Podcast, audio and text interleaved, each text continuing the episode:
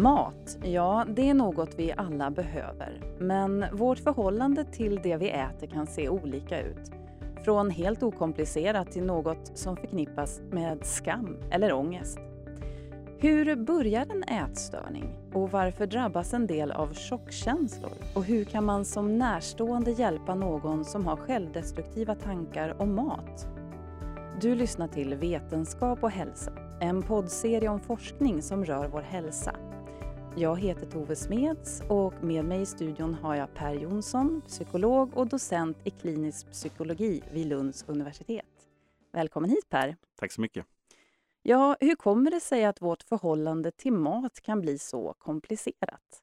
Det händer någonting tydligen när vi får för mycket mat i vår omgivning eller i vårt samhälle. Så börjar barn, vuxna, ungdomar att förhålla sig, säga nej till den, uppleva den som hotfull eh, och farlig på ett sätt som känns ganska märkligt för människor som svälter. Eh, att mat kan vara farlig när det är, det är det som gör att vi överlever. Ätstörning eller anorexi till exempel eh, vet vi ju att det har funnits dokumenterat sedan 1200-talet. Katarina av Siena som både slutade äta och slutade dricka, vilket gjorde att hon dog. Och det är ju ett av anorexins svårighet eller vad ska jag säga dilemmor. Att det är inte bara att man protesterar genom maten utan det är ju faktiskt eh, livshotande. Men vad händer när maten blir liksom laddad med det onda? Eh, vi har ett ganska undligt förhållande till mat, vi vuxna, som har spridit sig till barn. Mat är farlig. Jag, känner ju till föräldrar som kan sitta liksom vid matbordet och läsa på innehållsförteckning och säga det är farligt. Men gud i himlen, äter vi det? Och, och sådär. Det kan vi inte äta och så vidare. Så att menar, det viktigaste uppgiften för föräldrar det är att göra måltider roliga. Att det är kul att äta, att vi eh, har någonting spännande tillsammans här. Och, och sen är det någonting med det här att gå ner i vikt och gå upp i vikt. Eh, föräldrar eh, kan ju också se alltså deras blick fylld av rädsla när deras barn går upp för mycket i vikt och, och omgivningen reagerar väldigt negativt liten viktuppgång, ja det rättar till sig oftast. Låt inte eh, maten bli en krigsskådeplats. Låt andra saker bli som man kan bråka om. Vad ska, man ska se på datorn eller vad man ska göra. Sätt gränser på annat sätt, men låt maten bli en fredad zon. Men om man då är i den situationen nu när vi pratar om det som förälder, att man har ett barn som bara äter potatis eller som vägrar äta smör eller mm. när blir det ett problem? Alltså det blir egentligen aldrig någon problem förrän man, man ser att eh, värden av olika slag, blodvärden eller någonting annat, att barnet börjar gå ner i vikt mycket, och så, då kan det bli ett bekymmer. Att barn lever bara på potatis i, i eh, två, tre månader, det är inget bekymmer. Och det, jag, vet inte, jag har haft perioder där jag jobbat mycket med, på, på andra ställen med barnmedicinska kliniker och barn som kommer in Eh, och har varit handledare. Och, och, ibland måste man övertyga föräldrarna om något så, det låter ganska fjantigt, det håller jag med om, att ditt barn kommer inte äta bara potatis när de är 18, utan det kommer vara mer varierat. Eh, och, och då är barnet två år kanske och man är väldigt bekymrad över det. det det är en ganska kort period. Barn hänger upp sig, får lite, jag tycker det här är extra gott och så låt dem äta det här. Om de vill ha vit sås, ja men gör den vit. Så att eh, det, liksom inte blir ett konfliktområde, att man är så alldeles för envis i, i sitt... Det är tagande och givande. Så ett lite mer avslappnat förhållande i just sådana situationer. Men eh, du har ju också jobbat med personer som har drabbats av ätstörningar som till exempel anorexia nervosa, bulimia nervosa och hetsätning. Det finns ju ett antal diagnostiska kriterier för anorexi. De, de är ju tre i grunden. Det är att man äter för lite, eh, helt enkelt har en kroppsvikt. Som, nu försöker vi titta på eh, 17,5 som är någon sorts ja, under det. Så så är det för lite. Och det har ju också förändrats. Jag menar, när jag började för 35 år sedan så, så räknade man med BMI 20 och därunder. Nu har det gått ner ett antal BMI-enheter och sådär. Så, det, det, har förändrats. Och sen är det en väldig rädsla för att gå upp i vikt. Och sen är det också det här att man förnekar den låga kroppsvikten. Eh, det är vad vi forskare och kliniker kallar för kroppsperceptionsstörning. Man, man ser sig stor men i själva verket är man liten och, och mager och behöver äta. Och det, det, är någon sorts förvrängning av den bilden som, som eh, man ser när man tittar sig själv i spegeln. Det vet vi ju i och för sig att spegeln är, kan ju aldrig visa dig själv. Spegel är alltid projektioner. Det är bara andra människor som kan ge dig någon sorts spegel. Jag, menar, jag tycker du är fin, Eh, du gör bra saker och, och, så vidare. Att man liksom på det sättet bygger upp en självbild som sen när jag tittar på mig själv i spegeln säger ja men jag är ganska fin. Mm. Eh, sen delar man upp det här med anorexi också i två delar. Det ena är ju själv, ren svält, självsvält och det andra är att man är underviktig men också hetsäter och kräker. Mm. Sen är det bulimi. Bulimi betyder oxhunger. Man äter ju ofta mer än vanliga människor. Det står så i kriterierna också. Eh, under en avgränsad tid så äter man mer än vad man gör normalt sett. Och sen är det eh, kompensatoriska beteenden som att springa och laxermedel och så vidare. Det kan finnas i anorexi också såklart. Många tränar ju för mycket. Och sen att eh, självkänslan eh, hänger ihop med hur man ser ut och så vidare. Och sen bulimi är det ju både äta mycket men också framförallt så kräks man. Stoppa fingrarna i halsen, en hel del människor som har bulimia nervosa behöver ju inte ens eh, stoppa fingrarna i halsen efter ett tag, utan det räcker med att de ser toalettstolen så kommer det. Det som vi kanske talar minst om, det är ju alla bulimiker som använder laxermedel. Och vi kanske är lite för dåliga på att fråga. Och sen är hetsätningsstörningen, det är ju helt enkelt att man man eh, äter mycket och fort och känner skam och äcklas över sig själv att man ätit för mycket och äter i ensamhet och, och äter stora mängder och, man inte kräks upp det igen. Det har vi de huvud, eh, huvudgrupperna. Du nämnde att man har sänkt gränsen för när man räknas, alltså för BMI, där man räknas som anorektiker. Vad säger det om samhället? Det, kanske, det känns lite grann som att man också sänker liksom viktidealet. Ja, så är det. Vi var bekymrade en gång i tiden för under BMI 20. Idag, idag är vi bekymrade när eh, man har gått under BMI 17,5. Eh, det säger väldigt mycket om vår kultur. Eh, där man är, man är framgångsrik och man inte väger för mycket. Och det är många föräldrar som pressar sina barn också till träna och så vidare och, och äta på speciellt sätt. Så det största hotet finns i att om de går upp för mycket i vikt så är deras framtid totalt spolierad. Så är det ju faktiskt inte. Jag är helt säker på det. Mm. Vilka drabbas och i vilken ålder drabbas man mest utav det här? När det gäller anorexi så är det genomsnittsåldern är kring 16 eh, och det är samma sak med bulimi där är genomsnittsåldern ungefär 19, cirka 19 strax över. Och, och, men det är i huvudsak så får vi in de flesta anorektiker under spannet från 13, 14 till 25. Sen har det kommit några fler i högre åldrar. Det är något fler män, 90% kvinnor, 10% män. Mm. Bulimi eh, är ungefär samma förhållande. Bara lite senare, det finns fler bulimiker i 30, 40, 50 års åldern. Men det, det stora flertalet är mellan 16 och 30. Eh, Hur ser statistiken ut? Man kan tänka sig nu i sociala medietider när vi ska, många visar upp sig själva med selfies och man lägger perfekta filter på allting. Har man sett om det ökar? Kan man se någon sån koppling? Det finns flera saker man vet med, mm, säkert. Och anorexia nervosa har inte ökat på 40 år. Vi har ganska bra statistik kring det här. Bulimi har ökat, men det handlar ju också om att vi vågar tala om det. Det har ju varit extremt skamligt att man, man går in på toaletten efter att man ätit och stoppar man fingrarna i halsen. Man räknar med ungefär 3% av alla flickor mellan 13 till 25 som, som har diagnosen bulimia nervosa. Däremot så har ju krånglet med mat ökat ganska mycket. Det heter ju ätstörningar en doktorand till mig, Erika Hansson, disputerar på någonting som kallas för på engelska disordered eating, eller stört ätande, till skillnad från ätstörning. Eh, och eh, det är för att vi ska upptäcka det tidigare. Det är några få frågor som man kan lämna ut och har man då kryssat ja på någon av dessa så, så bör man uppmärksamma det här lite grann. Hon visar också väldigt tydligt i sin avhandling att, eh, att äta middag med sina barn är det mest fantastiska som finns för att vaccinera sig mot stört ätande. Det är det hon talar om. Jag tror i och för sig att det handlar om att vaccinera sig också mot ätstörningar.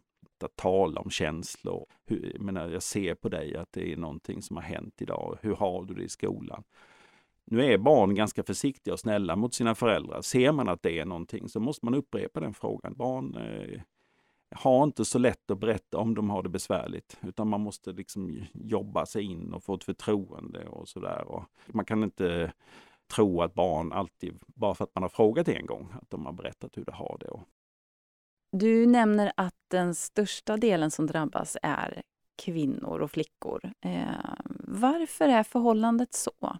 Jag tror att man ska söka det i puberteten eftersom insjuknandet har att göra med den transformation från flicka till kvinna, från pojke till man. Pojkar gillar att få muskler.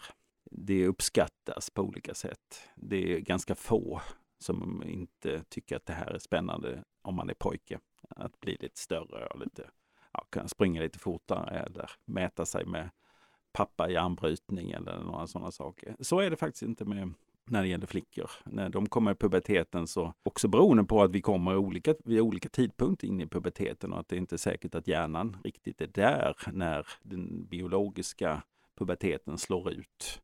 Och, och den kan bli ganska hotfull och man kan bli rädd för det och, utan att man vet om det. Vi har aldrig träffat någon anorektiker som vet om att om jag inte äter så upphör min menstruation. Eh, men det är faktiskt det som händer. Då kan man ju på något sätt ha någon sorts tanke om att ja, men jag är flicka. På något sätt mogna i det och våga ta steget. Jag tycker att jag har opponerat på några avhandlingar i Norge som i Oslo som just tar itu med det här. Man, man intervjuar, djupintervjuar kvinnor som eh, var sjuka för tio år sedan, fem år sedan. Och då ser man just att rätt många kvinnor säger just att det handlar om för mig att, att jag var rädd för att bli kvinna. Det är ju ingenting man säger när man är mitt uppe i sjukdomen. Jag har aldrig hört någon som säger det. Men det är när, eh, däremot har jag hört många i efterhand att ja, men det handlar om det. Och det är ju någon som behandlar, du måste, som behandlar, du måste prata om, tala om det här. Att din kropp, hur, ditt förhållande till det här att vara kvinna och, och att det kanske är det som du är rädd för. Eh, som en hypotes, en hypotes, hypotesprövning. Ja, för hur, hur lätt är det att ha sjukdomsinsikt? När det gäller de här diagnoserna?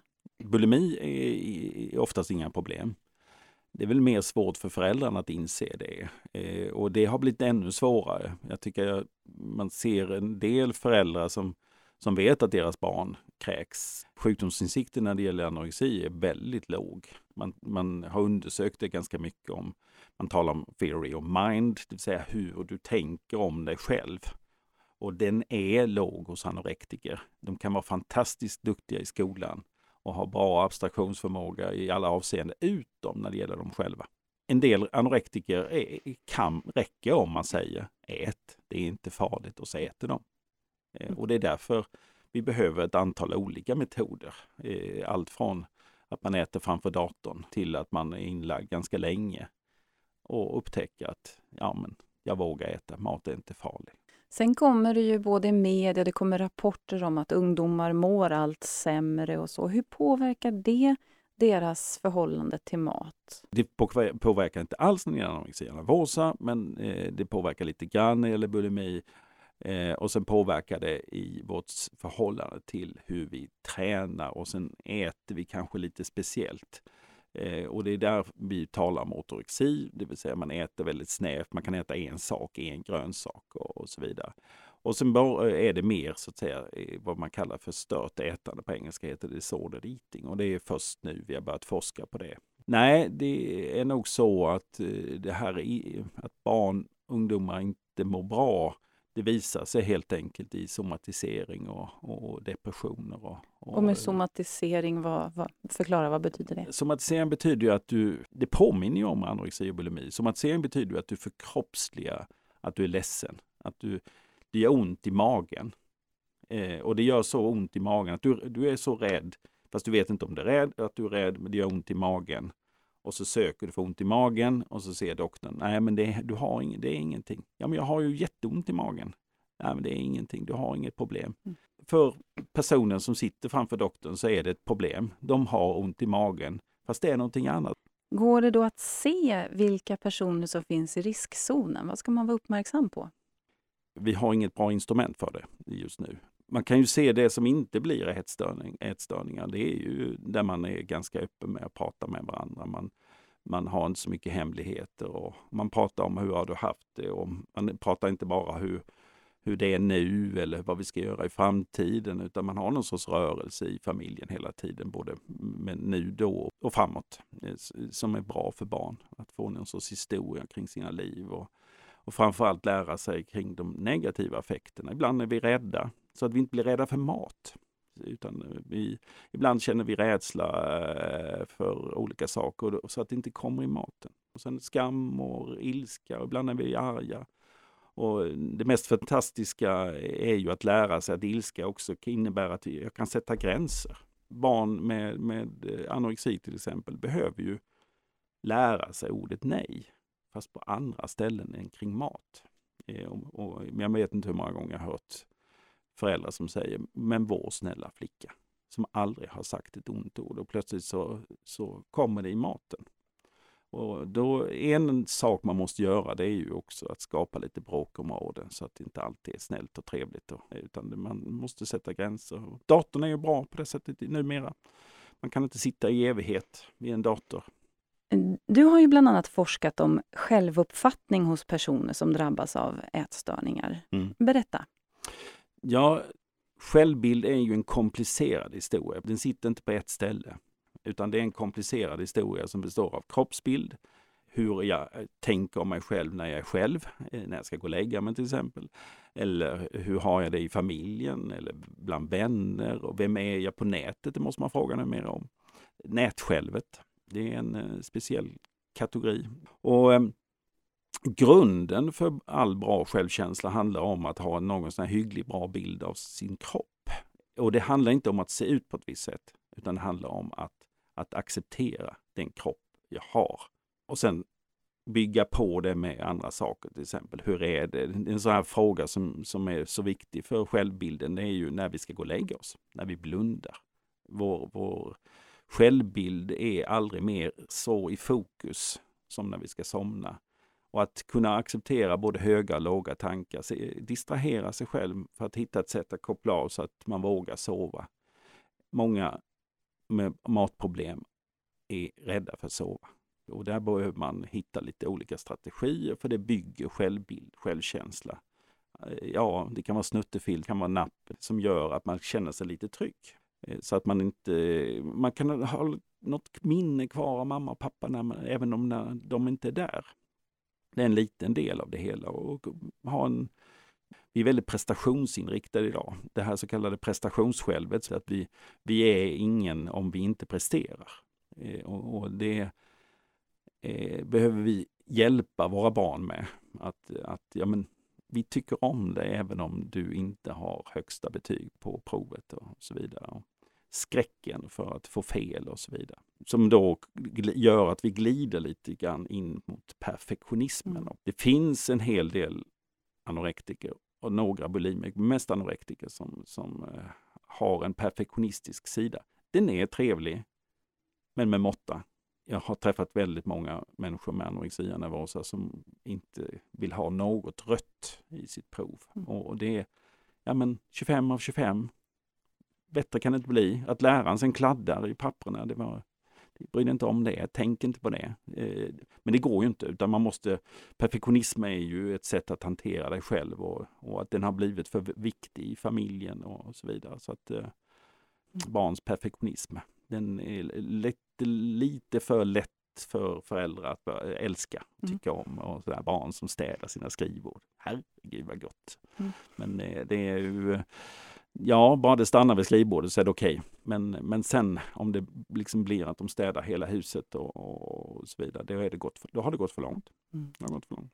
Men då menar du att den här per perfektionismen tar sig uttryck i hur man, liksom, man ska ha den här perfekta kroppen då? Mm.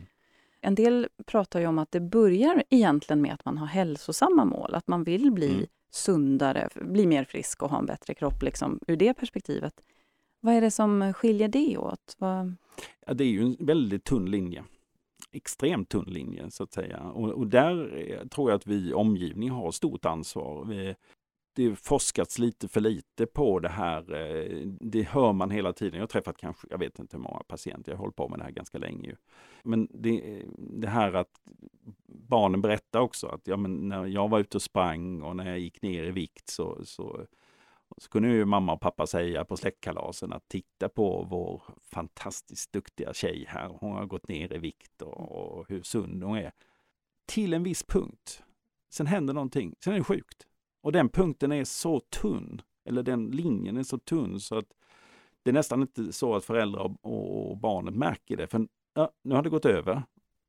Ja, nu, måste vi, nu är det sjukt det här. Nu måste vi in på sjukhus. Och du, vi har ganska stort ansvar tycker jag som föräldrar. Jag, det kommer säkert några föräldrar att höra av sig, men, men, men så är det. Vi, vi har stort ansvar. Du har myntat begreppet chockkänsla mm. och pratar om det. Vad, vad är det för någonting? Berätta.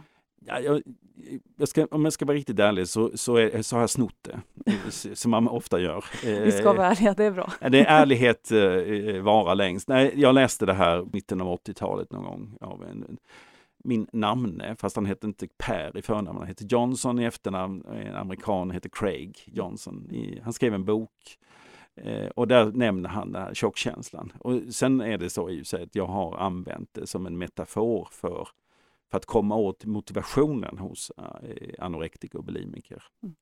Men den här tjockkänslan, vad, vad betyder det? Det betyder helt enkelt att det är någon känsla i kroppen, man känner sig tjock.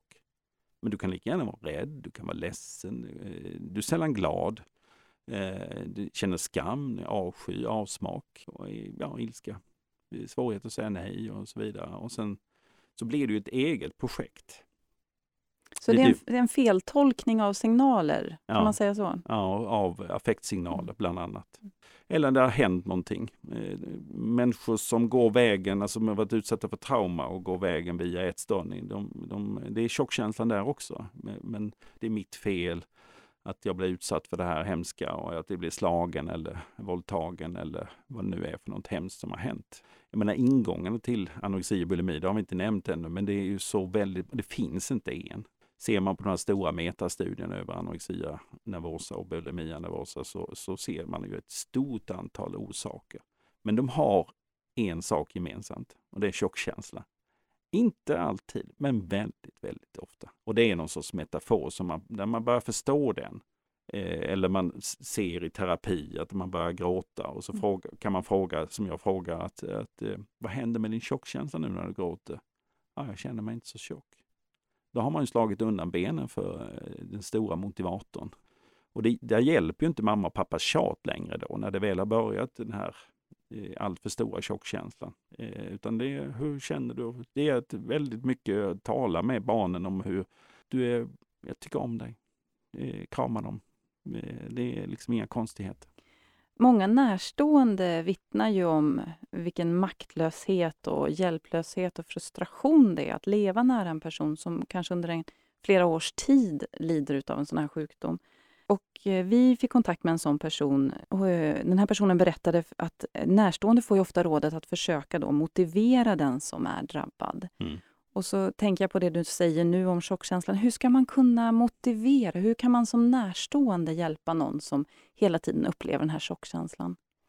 Ja, det är klart att du ska säga att du inte är tjock. Men man ska också vara tydlig med gränser. Eh, när man jobbar med anorexi eller är närstående till någon som har anorexia nervosa, ska man vara väldigt tydlig med att ja, den här vikten, då måste vi uppsöka läkare. Då måste vi uppsöka eh, vård eh, för att vi vill att du ska leva.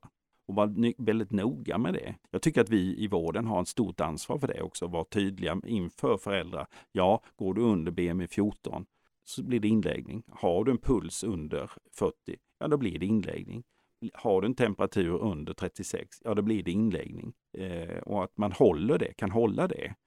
Vi, Sverige har världens lägsta dödlighet. Det är ingenting att slå sig för bröstet, det är bra, men det är inte någonting som är bestående bara för att... Men vi är också det hårdaste landet i världen när det gäller att lägga in på tvång.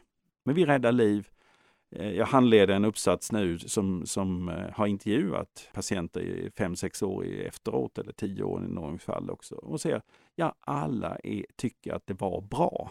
För det, det var då jag insåg allvaret, hur allvarligt sjuk jag är. Eh, och att de här gränserna är väldigt bra, att man kan hålla dem också. Att motivera, ja framförallt så ska man inte börja med att muta anorektiker.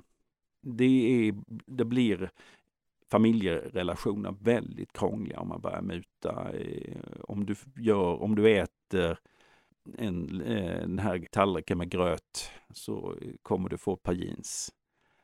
Mm, nej, det måste skapas ett självvärde i att äta. Börja inte muta för mycket. Eh, det blir aldrig bra i längden, är min erfarenhet.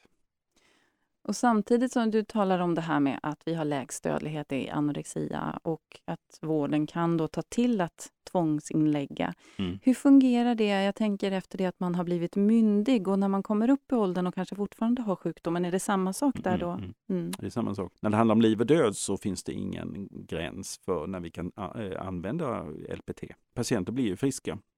Det är bara det att, att man måste också räkna med att de flesta anorektiker, har de lovat att äta och börjat äta en gång så är det inget som varar för evigt. Har tydliga gränser och så vidare och det, och det måste man bara följa upp, eh, tyvärr.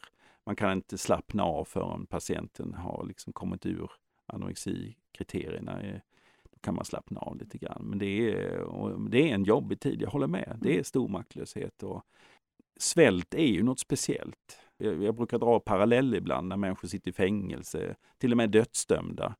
Alltså de får ju inte svälta sig till döds. Mahatma Gandhi, han svälte ut England ur Indien.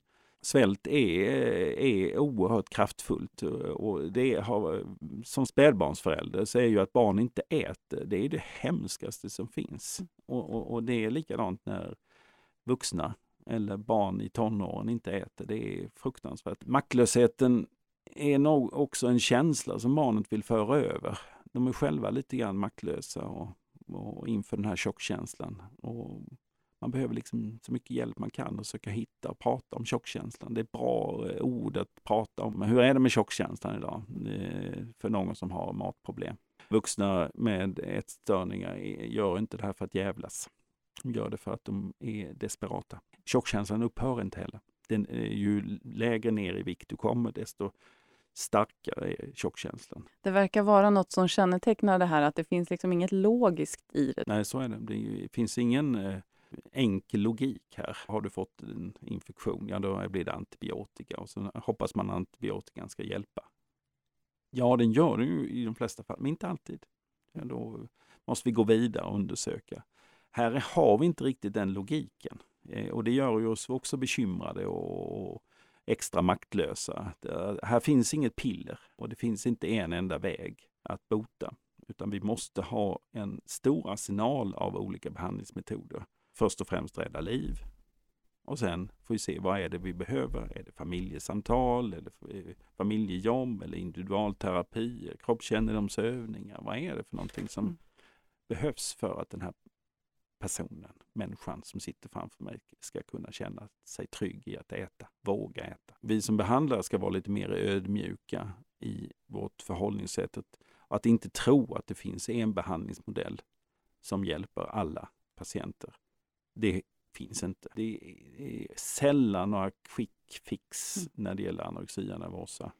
Till, och det kan jag också förstå till föräldrars stora förtvivlan. Eh, att det inte går, jag menar, varför går det inte fortare? Ja, patienten måste, personen, tjejen som sitter framför mig måste vilja äta och hitta att det är tryggt att våga. Så att eh, det kan ta tid ibland. Mm.